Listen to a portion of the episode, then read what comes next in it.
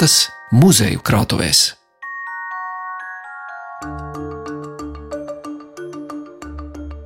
Armitstedu dzimtas relikvija un mežziņa pienākumi vēsturē. Tas šoreiz būs ceļojums Jaunmoku pilī, kur runāsim par šajā ēkā abu muzeju, meža muzeja un šī nama agrāko īpašnieku dzimtas priekšmetiem. Proti apskatot korespondences turētāju, kas savulaik graznoja Džordža Armitsteda, zināmā Rīgas pilsētas galvas, vectēva, arī Džordža Armitsteda dzīvokli Mārstaļu ielā. Un uzklausīsim stāstu par šīs dzimtas gaitām vietām Latvijā. Savukārt no meža muzeja krājuma uzzināsim, kā mežsargi izglītojās 19. gadsimta nogalē un kas agrāk bija viņu pienākumos. Mans vārds ir Zane Lāce Baltāluksne, un mana sarunu biedrene būs Jaunmoku pils muzeja krājuma glabātāja Ingrīda Vistopola.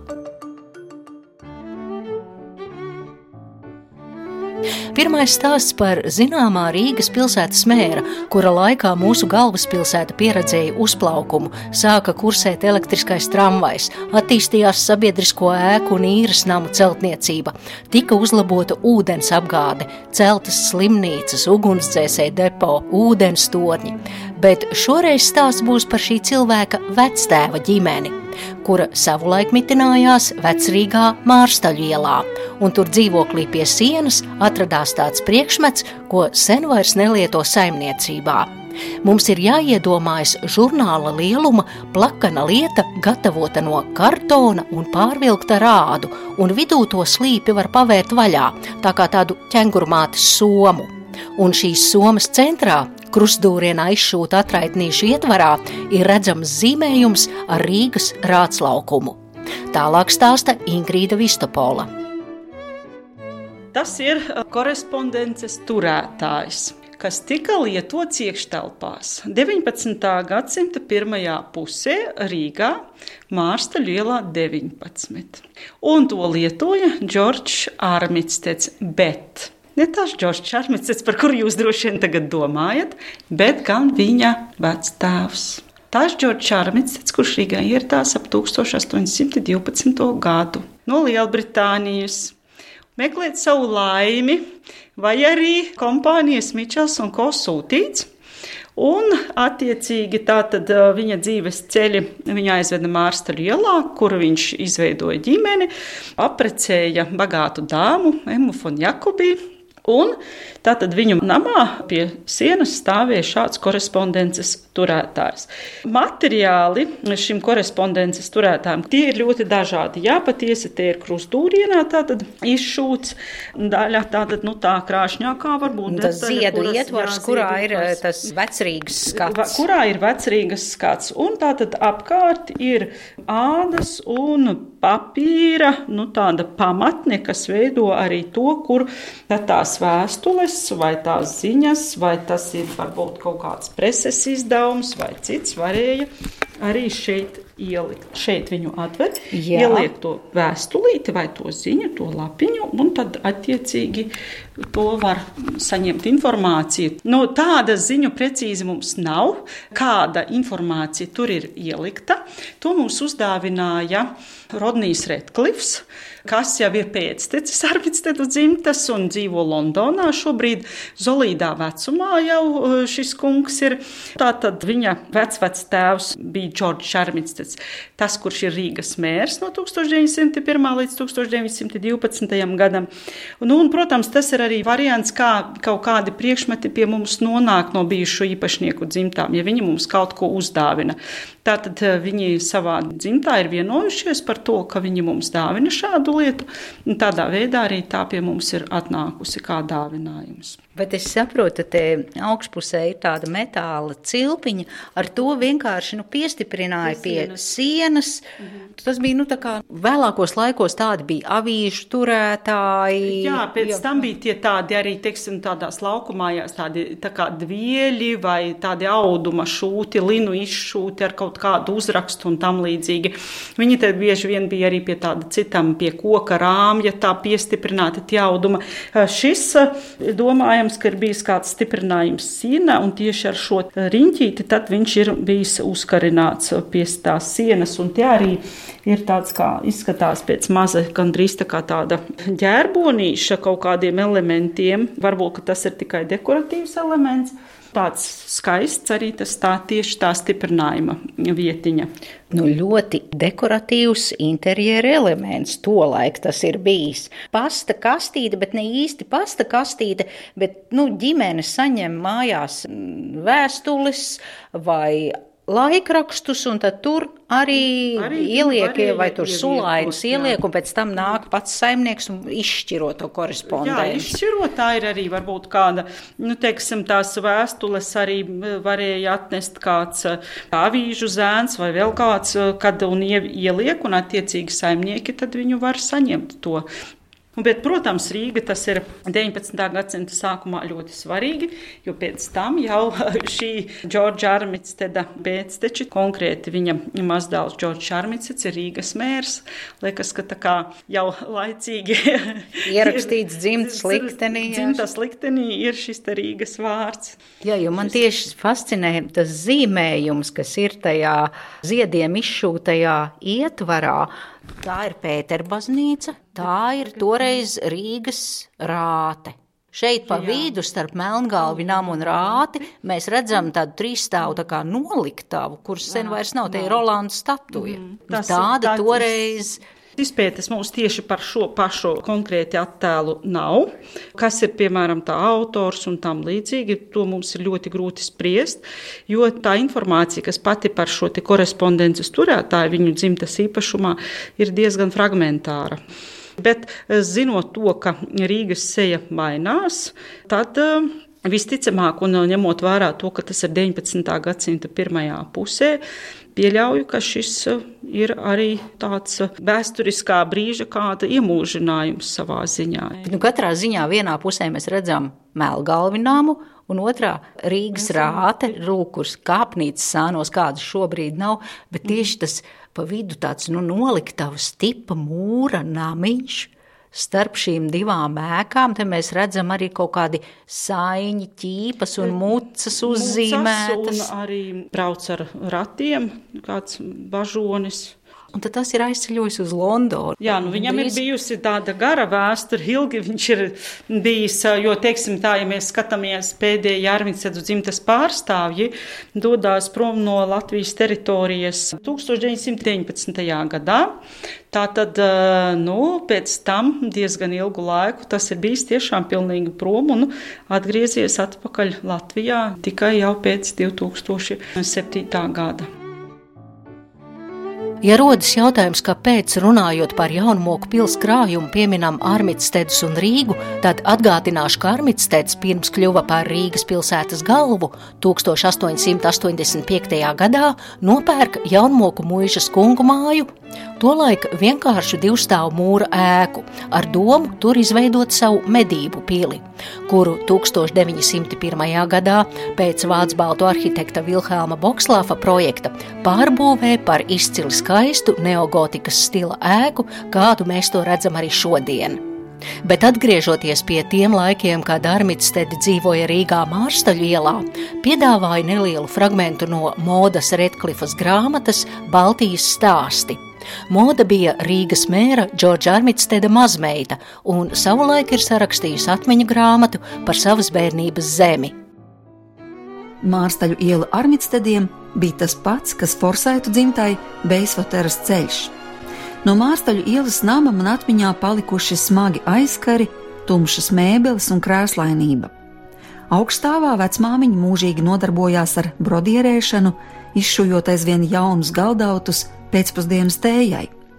Reiz Ziemassvētku vakarā, kad es biju četrus gadus veca un mana māte bija aizbraukusi ārstēties uz ārzemēm, tēvs mani sapostu vissmalkākajā baltajā kleitiņā uz Ziemassvētku svinībām veda pie vecmāmiņas. Tik mazai meitenei tas bija satraucošs pārdzīvojums. Gara auguma tantes un vēl garāki tēvoči, brālēni un māsīcas, visi vakartērpos un kā jaunākajai no klātesošajiem man vajadzēja iet priekšgalā. No ieraudzītā skata man aizrāvās elpa. Simtiem baltu svecīšu izgaismotā milzīgā egle slēdzās līdz pat griestiem. Zarostai karājās zelta eņģeļmati, stikla lāstekas, visdažādākie bumbuļi. Es jutos nonākusi gaismas un brīnumu pasaulē, kur gaisu pildīja viegla un tīkama apsviluša segles skuju smarža.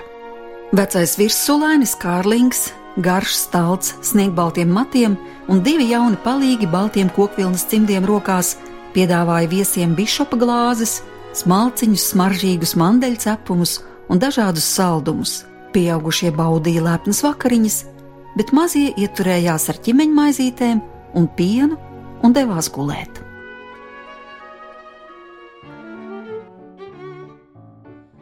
Šo fragment lasīja mana kolēģe Inta Zēgnere 2017. gadā, veidojot raidījumu par armitstediem ciklā Dzimtas saknes, un to var ieteikt noklausīties visiem tiem, kuriem interesē plašāks stāsts par šīs dzimtas gaitām Latvijā, un to var atrast Latvijas radio interneta vietnē.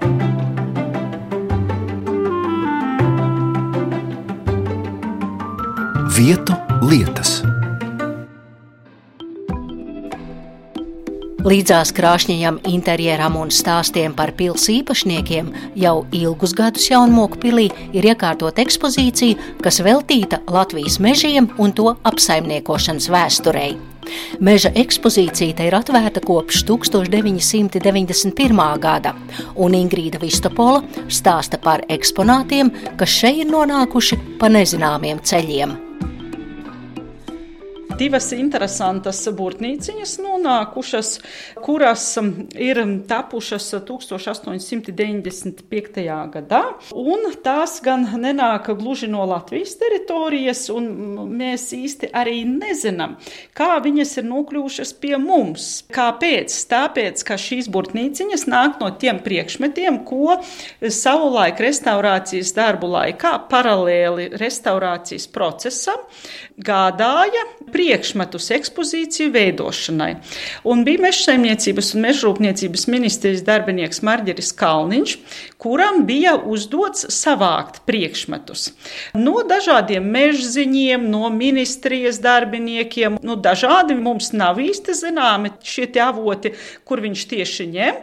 Un acīm redzot, nu, kādam no šiem cilvēkiem tad arī ir bijušas šīs burtnīciņas. Līdz ar to tāda pastāsta, kā viņas ir atnākušas, nav. Viņš bija tajā priekšmetu klāstā, ko tad ir savācis Marģeris Kalniņš. Krājuma glabātāja ir atvērusi minētās burtnīcas, kur ļoti akurātā un glītā rokrakstā aptuveni 16 gadus vecs zēns Vladimirs Korotkovs ir pierakstījis uzdoto vielu, tolaik nulle dibinātajā Marinskas meža skolā Krievijā Kemerovas apgabalā. Tā kā pieraksti ir datēti ar 1895. gadu, tad iespējams līdzīgi priekšmeti tika mācīti arī citās Krievijas impērijas guberņu mežzinību skolās, tā skaitā arī Latvijas teritorijā. Nu, principā mēs teiktu, tas skaities kā meža konduktora amats, bet nu, tas ir tāds mežsargs. Ja mēs tā no šodienas viedokļa skatāmies šo nosaukumu, tad viņš ir mežsargs, cilvēks, kurš dodas mežā un tad skata to uz vietas, kuram ir iedalīta noteikta apgaita un tam līdzīgi. Bet toreiz bija interesanti tas, ka šajās meža skolās, piemēram, šī meža skolā, domājams, ka arī Citās tas notika līdzīgi, jo, piemēram, 1898. gadā tika atvērta meža skola Vīciemā, Latvijas teritorijā Vidzemē, kura pastāvēja kādus sešus gadus apmēram, bet eh, īpaši mūsu rīcībā nav par Vīciema skolu tādu nekādu dokumentu. Bet atgriežoties pie šīm burtnīciņām, tad šeit viena no tām burtnīciņām, šī te, ko mēs skatāmies, ir par meža saimniecību, kur skaista tādā kaligrāfiskā rokrakstā ir tātad uzzīmēts un nu, pierakstītas tās zinības, lekcijas un tā tālāk. Tātad viss cītīgi tiek izzīmēts un sarakstīts. Vai jūs un, esat arī mēģinājuši iztulkot, jo, nu, protams, tas ir Krievu valodā rakstīts? Mēs esam mēģinājuši vienkārši lasīt, un uh, tur raksta tādas pamatzināšanas par to, ko apgūst. Meža uzmērīšana, piemēram, tad ir uh, plānu zīmēšana, tad tad par koku tām šķirnēm un tā tālāk. Tātad nu, tādas pamatlietas, kas noteikti mežsargam būtu jāzina. Vispār kopumā, ko apgūst meža skolā, tātad pirmais bija dieva vārdu, protams, tātad tas bija pirmā lieta, tad bija krievu valoda, aritmētika, tad ir dabas zinības, kas saucās dabas parādību skaidrošana. Tad ir darbs ar nivelieri, topogrāfisko plānu zīmēšana, plānu veidošana. Tad ir īsais kurs meža izmantošanā un krājas noteikšanā. Ir krāja. Krāja tas ir tas principā zāģējamais apjoms. Tad um, vēl viena lieta, interesanta elementāras zināšanas celtniecības mākslā. Un šeit ir par ceļu tiltu būvēšanu. Ah, te vēl ir arī zīmējumi. Jā. jā. Tātad, kā zīmēs tur sliedes, piemēram, šeit, kā savieto paļķus pāri, rati, kā jāveido ratu riteņi, respektīvi. Bet mēs runājam tātad par eh, mež, meža Meža... zinībām cariskās Krievijas laikā, un jā. iespējams, ka tajā vīciem skolā bija līdzīgi. Es tieši jā, tā domāju, jā. ka vīciema skolā bija ļoti līdzīgi. Vienīgi tas, ko es esmu noskaidrojis, ka vīciema skolai tas mācību kurs bija īsāks nedaudz. Šeit ir divi gadi, tur ir pusotra gada. Protams, mēs priecātos, ka mums būtu no Latvijas teritorijā kaut kas tāds, bet tomēr, ja skatās arī papētot citur, tā meža skolu jautājums Latvijas teritorijā nav tāds tik ļoti, teiksim, tās meža skolas, vispār tā, tie pirmie meža skolu beidzēji nāk tomēr beigās no uh, Krievijas.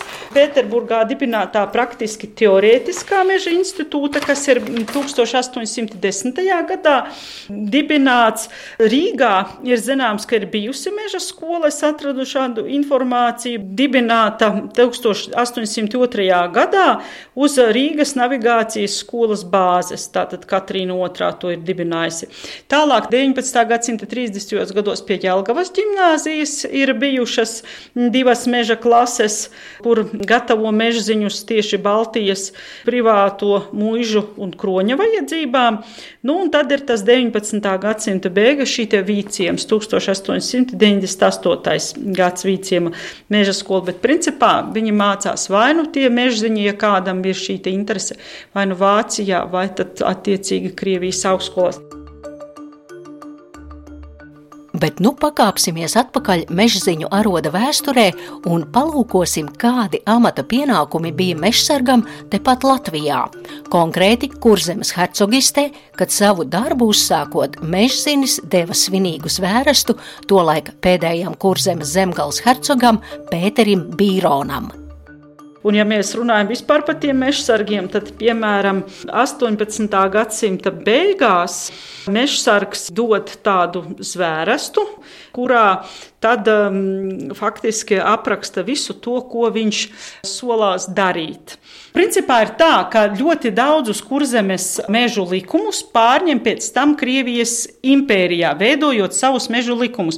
Un interesanti ir arī tas, ka, piemēram, tie cilvēki, kas mācās vai kas ar, parasti mācās vai nu Vācijā, vai nu Krievijā, šos te mežu ziņu un tam līdzīgi. Bet tā īsti par ļoti nopietni mācītiem jau mežziņiem, kuri no meža skolām nāk un mežsargiem, var runāt 19. gadsimta vidu otrajā pusē. Parasti tie bija kādi zemnieki, kuriem ir dotas nu, kaut kādas atlaides, kur ir brīvi no klaušām un tam līdzīgi, kas tad pilda tos mežziņu vai mežsargu pienākumus.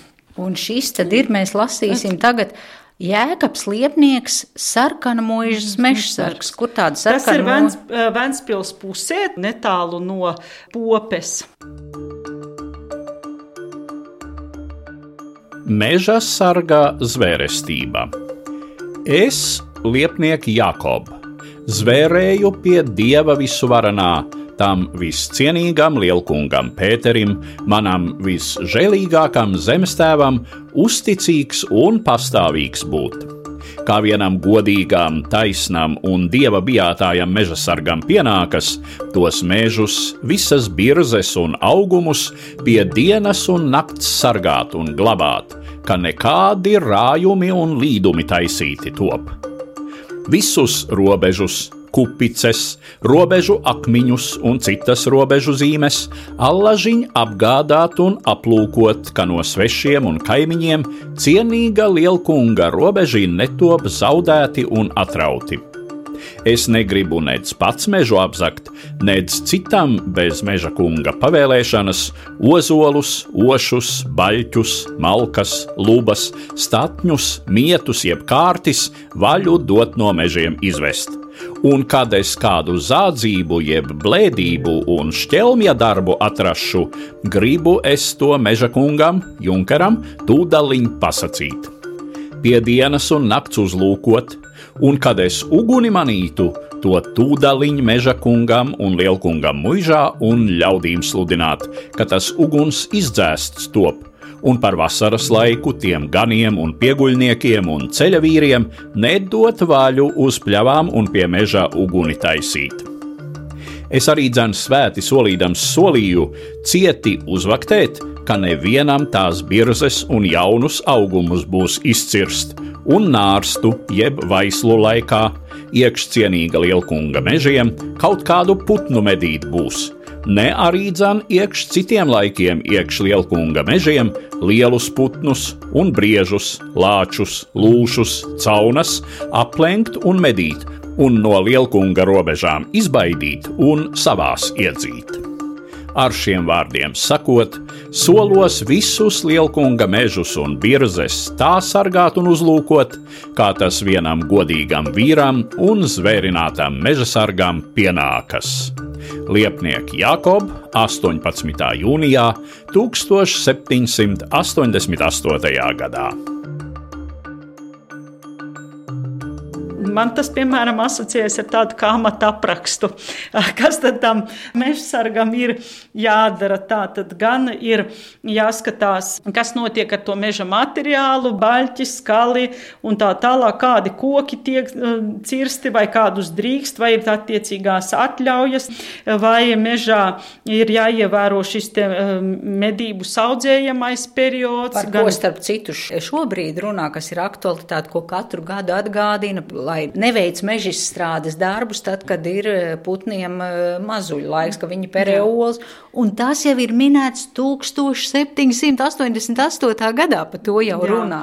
Tas arī tā, gan ir tāpat eh, šīs te ugunsdrošība, un tur arī bija tie nosacījumi, ka apmēram 14 verstu attālumā, ja tu dzīvo, tad tev ir jādodās to uguni dzēst mežā. Tātad, ja tur ir nu, nāk ziņa, jā, ja pamana, tad ir jādodās. Tas ir tāds pienākums tiem cilvēkiem cilvēkiem.